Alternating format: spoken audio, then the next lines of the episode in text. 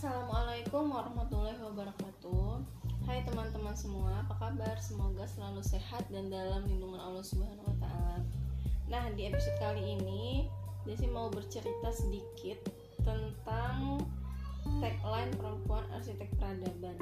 Nah, sebenarnya eh, nggak sekarang aja sih banyak yang nanya gitu. Jadi dulu pun waktu di tahun 2019 sedang memegang amanah pun banyak yang nanya kak kenapa arsitek gitu. Kak kenapa nggak yang lain aja? gitu. Nah jadi sebenarnya uh, tagline itu nggak asal ada. Maksudnya itu bukan asal muncul begitu aja gitu ya. Jadi sebenarnya itu ada sejarahnya. Jadi kalau misalnya ngulang lagi di tahun 2018 ya itu waktu itu kuliah ngambil mata kuliah namanya tuh arsitektur pertamanan.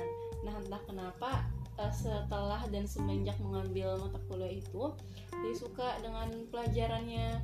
Dan hing dan sampai selesai ngambil mata kuliah itu pun sampai detik ini gitu mas uh, pengen berencana buat ngambil studi lanjutan spesifik ke bagian pertamanan. Nah jadi dimulai dimulai dari sanalah pas banget di tahun 2018 akhir itu Desi gabung di BMKM Unan nah di BMKM Unan itu dipercayai memegang di Kementerian Pemberdayaan Perempuan. Nah, selama di sana, sebelum kita memang menentukan target-target jangka panjang, visi misi dan lain sebagainya, kita juga memikirkan apa nih yang menjadi ciri khas pembeda Kementerian Pemberdayaan Perempuan BMKM Unan dengan kementerian lainnya atau memang kementerian PP ini dengan kementerian yang ada di kampus-kampus lainnya.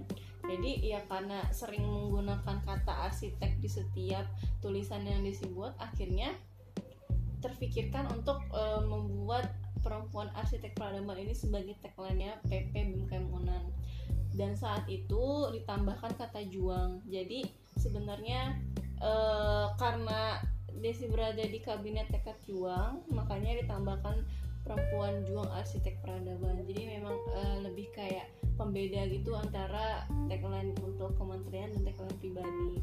Itu sih awal mulanya kenapa uh, sampai sekarang tuh masih apa namanya jargon jargon atau slogannya pokoknya itu sih intinya gitu. Dan memang berencana juga untuk uh, lagi lagi ini sebenarnya lagi proses buat buku judulnya itu dah itu aja dulu untuk episode kali ini semoga teman-teman mendengarkan ya sampai habis dan semoga apa yang Desi sampaikan dan apa yang akan Desi buat di podcast kali ini bermanfaat.